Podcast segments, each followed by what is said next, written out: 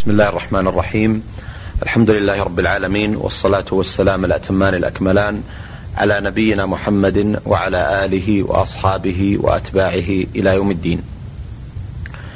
أيها الإخوة والأخوات السلام عليكم ورحمة الله وبركاته. وأهلا وسهلا بكم في لقاء جديد معكم. نستضيف فيه ضيفا جديدا وعالما له جهده ونشاطه الدعوي والعلمي المبارك حيث محل. ولقاؤنا في هذه اللحظات مع صاحب الفضيلة الشيخ محمد بن أحمد العسكري رئيس محاكم منطقة نجران. في مطلع هذا اللقاء باسمكم جميعا أرحب بفضيلة الشيخ محمد وأشكر له قبوله دعوة البرنامج فأهلا وسهلا بكم فضيلة الشيخ. بسم الله. والصلاة والسلام على رسول الله. نبينا محمد وعلى آله وأصحابه أجمعين. وبعد. فأنا سعيد بهذا اللقاء وإن لم يكن عندي من المخزون ما يشنف آذان السامع. ولكن كما يقولون المعسور لا يسقط بالميسور وقد طلب مني هذا فلا مانع من الكلمة. أما بالنسبة للمولد والنشأة وبداية التعليم كما طلبه مني الأخ. فالمولد برجال الماء. عسير في وادي العوص بقرية تسمى العارض. وتاريخ الميلاد أحتفظ به فيما بيني وبين الأحوال المدنية. لئلا ينتشر الخبر فيردع علي بعاقبة تثير النزاع أو النقد. ولكن قد يتخمن أو يخمن السامع حينما يعلم أن أول مدرسة فتحت برجال الماء كنت من طلابها في السنة الثانية من افتتاحها. وقد احتفل بمرور خمسين عاما على افتتاح تلك المدرسة منذ خمس سنوات أو أكثر. وهذا يمكن لمن يتطلع أن يتخمن أو أو يتوقع عن العمر. أما التعليم النشأة الأولى مع والدي شيخ قبيلة بني العوص رجال الماء. وكانت مشيخ المشيخة القبلية لها شأنها وإن كان فيها شيء من التعسف والظلم على الرعية والأحكام التي لا ترتبط بكتاب ولا سنة ولكنها عرفية نافعة في حينها. نشأت مع والدي وكنت أتطلع إلى مهنته. وإن كنت في البداية آه، عملت معه في الحرث وفي رعي الماشية مساعدا لعماله ومشرفا عليهم. ثم رافقت والدي في زياراته لمقر الإمارات في حينها وكان صديقا للأمير تركي السديري الذي كان واليا على منطقة عسير. كنت معجبا بشخصية الأمير وكلامه. ثم بعد ذلك كنت أنوب عن والدي في بعض أحيان في الأمر والنهي. وكنت معجبا بذلك وإن كان فيه شيء من الظلم لأنه كان كما قلت آه، يبدأ بالتعسف والفوقية على الآخرين. التي هي أحكام القبيلة يا شيخ التي هي أحكام القبي الأحكام القبلي. ولكنها في حينها كانت تسير الأمور وتردع المعتدي وتأخذ على يد السفيه وتعين أهل الخير على الاستقامة وعلى حفظ الأموال وعلى آه، التآخي هذا هو هذا هو المقصود من قولي أنها فيها شيء من التعسف. بالمناسبة شيخ محمد تذكرون بعض هذه الأحكام التي كانت موجودة؟ أذكر أنهم كانوا يجبون جباية يسمونها بالنكال وهو أن السارق أو المعتدي أو المتخاصمين يعني المتهاوشين لأسباب تافهة أو لأسباب زراعية أو لطرق أو شيء من هذا ينكلهم شيخ القبيلة بما يسمى بالنكال وهو جباية من الأموال يفرضها هو. نعم. يقدرها في حينها بريالين من العملة التي كانت سائدة وهو الريال الفرنسي أو الريال السعودي الفضة الأول. نعم. وهكذا. وأحيانا أذكر منها أن عمي الذي هو آه، أخ للوالد تجرأ ابنه على آه، أن يرعى في منطقة محجورة نسميها الحجر ما نبيحها إلا في وقت معين نعم. يرعى ماشيته فكان والدي غير موجود. طلب مني الجماعة أو كبار الجماعة أن أتقدمهم ونذهب إلى عمي لنغرمه بذبيحة من غنمة. نعم. فكنت الأول فلا فأذكر لوم عمي لي وأن هذه بداية سيئة منك. نعم. حينما علم أني أطالبه نعم. بأن يذبح للجماعة مقابل رعي ابنه في الأرض المحجورة. وهم يحجرون هذا حتى لا ترعى إلا في أوقات الجدب. نعم. آه، من هذه الأشياء التافهة التي هي الآن مستغنى عنها بوجود الدولة نعم. ووجود الاستقرار ووجود الأحكام الشرعية. نعم. صحيح أن هناك في حينها ببداية نشأة أحكام شرعية ومحكمة نعم. وإمارة وشرطة وأخوياء يسمونهم الأخوياء الذين يجلبون للمشايخ العاصي أو المتخلف أو كذا. كل هذه موجودة لكنها سلطة شيخ القبيلة كانت أغلب نعم. كانت أغلب. وكانت الدولة في البداية آه، آه، تستعين بهم وحتى الآن. لكن الآن انقاد الناس انقيادا طيبا لأنهم عرفوا أن مصلحتهم في هذه الولاية الكريمة التي أعني ولاية آه، آل سعود التي وأمنت الخائف وأمنت السبل وصانت الحقوق و آه، آه، يعني آه، حرست الأعراض. كل هذه متوفرة ولله الحمد.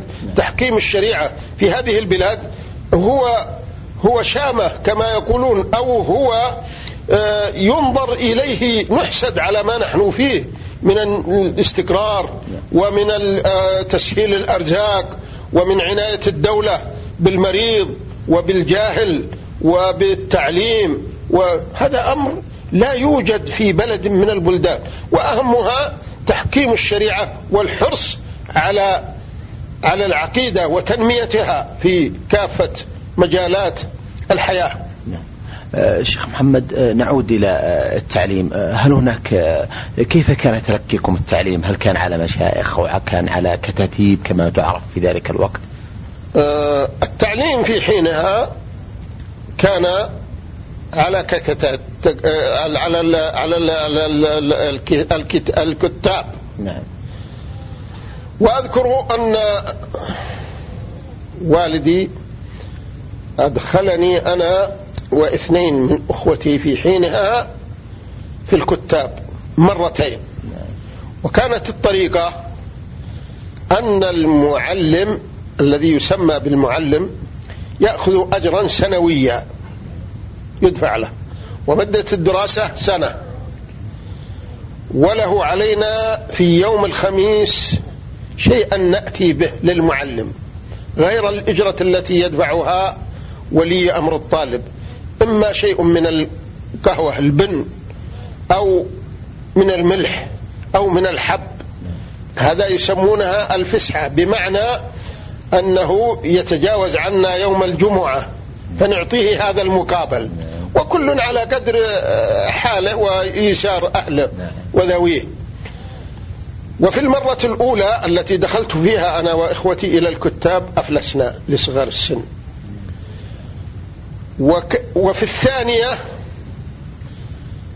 كنت أنا الوحيد لأن لانشغال إخواني برعاية الغنم. وكنت المدلل عند الوالد. لكن مع ذلك سافر والدي إلى مكة للنيابة في قضايا قبلية. نعم. فاغتنمت الفرصة وتركت الانتساب للكتاب. وكانت والدة الوالد رحمهم الله اضطرت إلى أنها تربطني بحبل وتركبني على دابة. طرف الحبل بيدها. والرباط بيدي مربوطة يدي الثنتين حتى سلمتني للمعلم.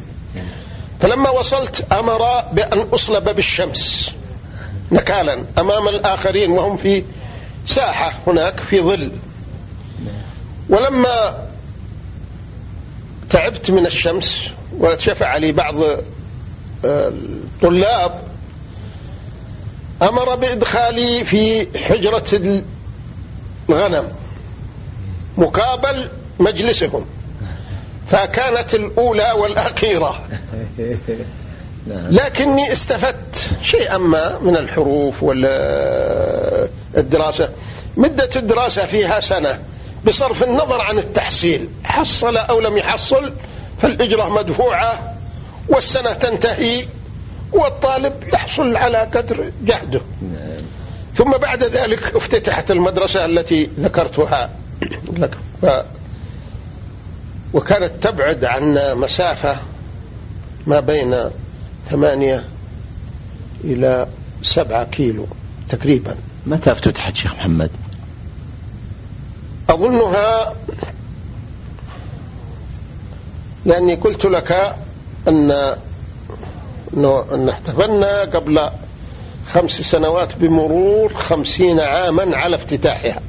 أظنها في أوائل الستينات تقريبا تقريبا لا في في في الستين أو اثنين وستين. نعم هكذا.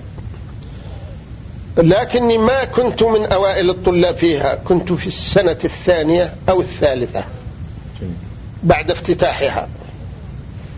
ولم تدم دراستي فيها ما بين أربعة شهور إلى خمسة لكن استفدت منها كثيرا لأني آه، في حينها آه، كنت راغبا استفدت منها. ثم بقيت الحال هكذا معاونا مع الوالد ومساعدا له في حاجياته الخاصة وإذا غاب في مشيخته التي كنت أتطلع إليها. ثم تعين شيخ هاشم قاضيا في بلدنا رجال ألمع في مدينة الشعبين. وكان صديقا للوالد فحرض الوالد أو إلى أني أدرس لديه. فكنت أحضر لديه واستفدت منه كثيرا فحفظت عنده آه، حوالي خمسة أجزاء آه، المفصل. وحفظت عنده مقدمات الفرائض وشيء من التوحيد. وبعدها عينني إماما لبلدنا فازدادت الرغبة لجمع بين الراتب والدراسة. ثم تطلعت للدراسة في المعاهد العلمية ولم أوفق.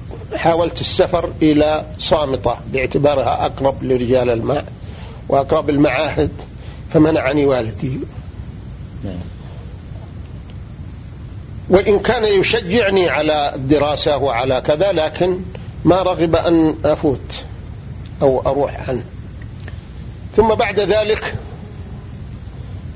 آه، لما رأى رغبتي وفتحت المعاهد سافرت إلى الرياض وزودني رحمه الله بمبلغ كبير في حينها ثلاثة آلاف ولم أجد في الرياض مكانا في المعهد لتأخري عن بداية الدراسة في عام آه، السبعة والسبعين.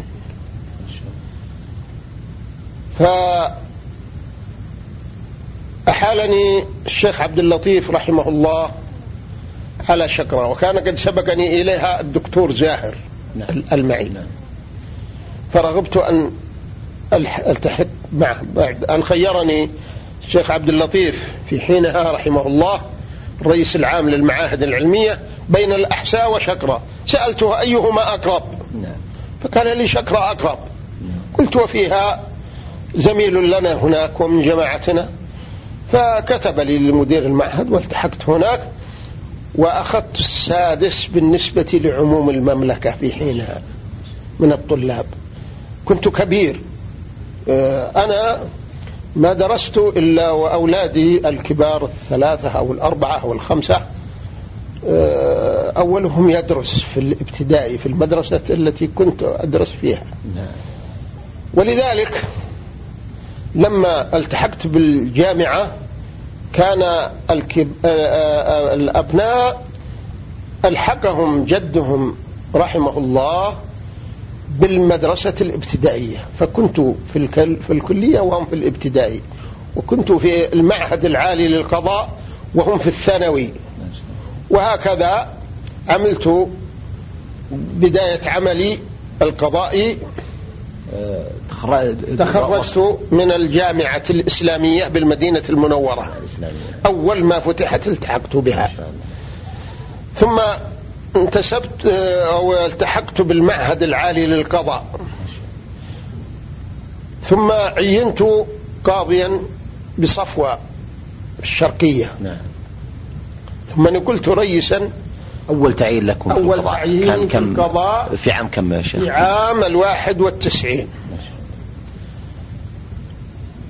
وهو العام الذي التحق فيه الأبناء أحمد وعبد الله بالكلية آه ثم لم تطل أو لم يطل عملي في صفوة نقلت ريسا لمحكمة الجوف في الشمال لأني ألحت أكثرت الطلب للنقل للجنوب نعم. طبيعة المنطقة نعم. فجوزيت بالنقل للشمال نعم. فكان خيرا. اكتسبت فائدة وتعرفت على رجال لم أكن آه لولا آه الغضب الذي نقلني إلى الشمال لم أتعرف عليهم. لولا هذا لما استفدت. كان أمير المنطقة عبد الرحمن السديري وكان رجلا تقيا وهادئا ليس فيه من تعالي الأمراء شيء. يصطحبني دائما ويرشدني وكذا. وحينما أمر الملك فيصل بالتحاق آه، خريجي كلية الشريعة للجيش وأن يكونوا ضباطا في الجيش ويعطون دورة وكذا حاولت لأن رغبتي في الأمر والنهي أكثر. نعم. حاولت أن أترك القضاء. وألتحق هناك. وبعد محاولات مع أمير المنطقة في حينها عبد الرحمن السديري قال لي هم سيجعلوك مطوع. قلت إذا لم يكن في الميدان فلا حاجة لي. وتركتها. وكان خيرا لي. كان خيرا لي. وإن كان كل المجالات خدمة وضريبة حياة من الإنسان ينبغي إذا مسك أي عمل سواء كبير أو صغير أن الشخص إذا آه، يجتهد في إنتاجه وفي عمله سواء كان في العسكرية أو في القضاء أو في الإمامة أو في الجندية أو في آه، الوظيفة المدنية أيا كانت. المهم أن الشخص إذا تولى عملا من الأعمال يبرز فيه وينتج بقدر إمكانه. آه، حينئذ يحمد ويشكر ويؤدي الواجب ولا ينظر إلى من فوقه كما قال النبي صلى الله عليه وسلم آه، لا تنظروا إلى من هو فوقكم انظروا إلى من هو أدنى منكم أو دونكم فإنه أحرى بكم ألا تزدروا نعمة الله عليكم أو كما قال صلى الله عليه وسلم. آه، بعد الشمال زارني والدي هناك. ورأى ما لي من التقدير والإكرام عند العامة والخاصة وكثرة الذبائح التي دعوه إليها فقال لي انقل من هذه البلاد أنت لن تستطيع أن تكافئهم. حتى ولو بعت يقول ما أملك ما تستطيع تكافئهم. قلت له ما ماذا علي منهم؟ أنهم يكرمونك وكذا قال لا كرامات الرجال دين. ينبغي عليك أن توفي انقل من هذه البلاد. فطلبت النقل وكان حظي في نجران. أمضيت فيها حتى الآن ثلاثة وعشرين عاما. والحمد لله الأمور ماشية والقضاء مخدوم بكتاب الله وبسنة رسول الله صلى الله عليه وسلم وبالزملاء الذين يتساعدون مع الإنسان والتشاور فيما خفي عليه. هذه طبيعتي طبيعتي آه، الرجوع إلى العلماء وسؤالهم والزملاء حتى ولو كانوا حديث التعيين لا يهمني هذا يهمني أن أصل إلى الطريق السليم سواء في الحكم أو المصالحة أو أي شيء من هذا. آه، الآن ولله الحمد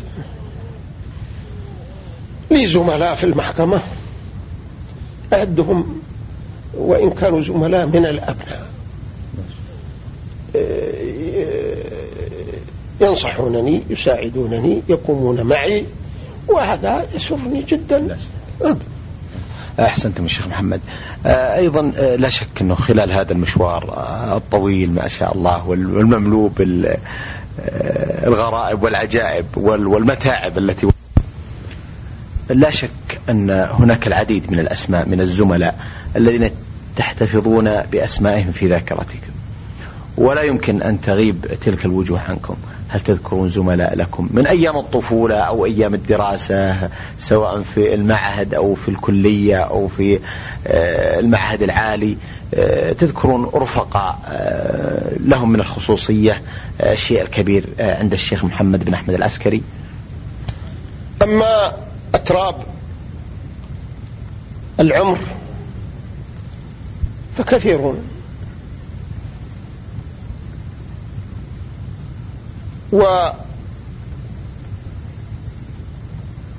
لا فائدة في ذكر الأسماء لئلا يحمل بعضهم عليه إذا تركت اسمه وذكرت الآخرين. ولكن أخص منهم بعض الإخوان الذي كان لهم آه، علاقة حميمة وكانت تحصل بيننا وبينهم ما بين الأتراب من المحبة. وقد تنقلب إلى ضدها وأترك الأسماء وإن كان فيها ما الشيء الطريف لأنها آه، كانت في البداية رفقة ثم تحصل نزاعات وخلافات وشقاق ومضاربات على أشياء تافهة عادة الصبيان. نعم نعم. أما زملاء الدراسة في المدرسة في رجال المع بداية فأذكر منهم أشخاصا منهم من قدم إلى رحمة الله وهم الأغلب غفر الله لنا ولهم. وكان في المنطقة آه، الشيخ إبراهيم زين العابدين عالما من من الحفظ كان يعطف علينا ويرشدنا وكذا وكان منهم من الزملاء عبد الوهاب بن فائع توفي رحمه الله. وآخرين آخرين. ومنهم من بقي على قيد الحياة وهم قلة وهم قلة. وإن لم يكونوا زملاء في الفصل كانوا آه، لهم رعاية طيبة لنا باعتبارنا نأتي من منطقة بعيدة عن منطقة رجال المع أو عن مدينة رجال. أما الزملاء في الجامعة فتعرف أن الجامعة الإسلامية مخصصة لجميع الدول. نعم. فقليل نسبة السعوديين فيها. قليلة جدا. آه، أما الزملاء أما الذي كان لهم رعاية علينا وفضل في الجامعة فأول من تولاها تعرف سماحة الشيخ عبد العزيز بن باز رحمه الله كان نائبا لرئيسها العام وكان هو وعادته ولطفه مع جميع الطلاب الرعاية نعم. وأذكر أني توفيت أم أولادي فرغبت في الزواج من جهة لم يرغبها والدي نعم. فراجعت الشيخ رحمه الله العزيز وقلت له أرغب في وظيفة فوافق. على تعييني وكتب لمدير الإدارة وكان في حينها الدكتور عبد الله الزائد الذي هو الآن من آه، كبار العلماء ومن المشايخ الذين لهم وزنهم في الدعوة وفي آه، العلم. كان هو مدير الإدارة فنهرني ومنعني من الوظيفة. وقال لي ادرس. أنت بخير ووالدك يعطيك وواصل الدراسة. كرهت الوظيفة لأنه أغلظ علي. أغلظ علي. رجعت للشيخ رحمه الله فقال لي بعد أن فكر قليلا أدرس وأنا ضامن على الله لك في المادة. رحمه الله. ولقد ضمن على ملي رحمة الله عليه. والله إن الله يسر علينا ورزقنا وأعطانا من الخير الكثير نحمد الله ونشكره. أذكر كلمة حينما قال لي ادرس واصل الدراسة لله وأنا ضمين على الله لك في المادة. هذا من الإخوان الذي لهم علي فضل. أما الزملاء فحينما تعينت في صفوة لم يكن فيها أحد من طلبة العلم ساكن في المدينة فسكنت في الدمام. وكان رئيس المحاكم العام الشيخ سليمان الذي هو الآن رئيس التمييز بمنطقة الرياض هو رئيس المحاكم في حينها. وكان من الإخوان الشيخ عبد الكريم الشيحة توفي رحمه الله وناصر القحطاني عضو تمييز الآن بالرياض والشيخ محمد الله هو الآن بن زيد الذي هو الآن رئيس لمحاكم المنطقة الشرقية وعدد ومحمد والشيخ محمد محمد محمد كفيف من الإخوة الطيبين في الشرقية كان يستضيفنا دائما دائما. آه، هؤلاء كانوا مجموعة وكان لهم طريقة. الأمور في حينها مبسطة وليس كذا كثرة القضايا ليست بكثيرة. يخرجون في الأسبوع مرة أو مرتين ويتدارسون القضايا المهمة. وكان لهم علي فضل. اكتسبت من من مرونتهم بعضهم مع بعض واكتسبت من تعاملهم الأخوي. ثم انتقلت إلى الجوف وأهل الجوف آه، طبيعتهم طيبة فيها كما يقولون نهج الشمال وكرم البيئة. وكان للشيخ آه، فيصل المبارك رحمه الله فضل على منطقة الجوف. وكان عالما يحسن الرعاية للطلبة. كان معظم الذي حولنا في المحكمة هناك من طلبته رحمه الله. و آه، ليسوا بمعنى أن عندهم شيء من العلم الكثير لكن عندهم آداب. آداب. استفدت منها كثيرا. آه، أما في زملاء العمل في آه، الجوف أو في آه، فمن زملائي في الجوف عبد العزيز ابن محمد المهيزع من الرياض رجل طيب ومرح كان يخفف علينا كثيرا. آه، هناك زملاء آه، الآن منهم حمود العقل الذي هو عضو تمييز في الرياض.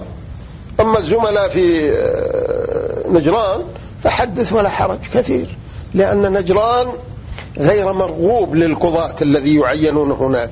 فلا يعني سنتين ثلاث سنوات أربع سنوات ثم يلح على القضاء فينقلون. فهم كثر. نعم. فهم كثر جدا. وكلهم طيبون إن شاء الله. وخاصة الذي بقوا معي في آه، نجران أنا أدين لهم بالولاء. لأنهم تحملوني كريس لهم وتحملوا العمل.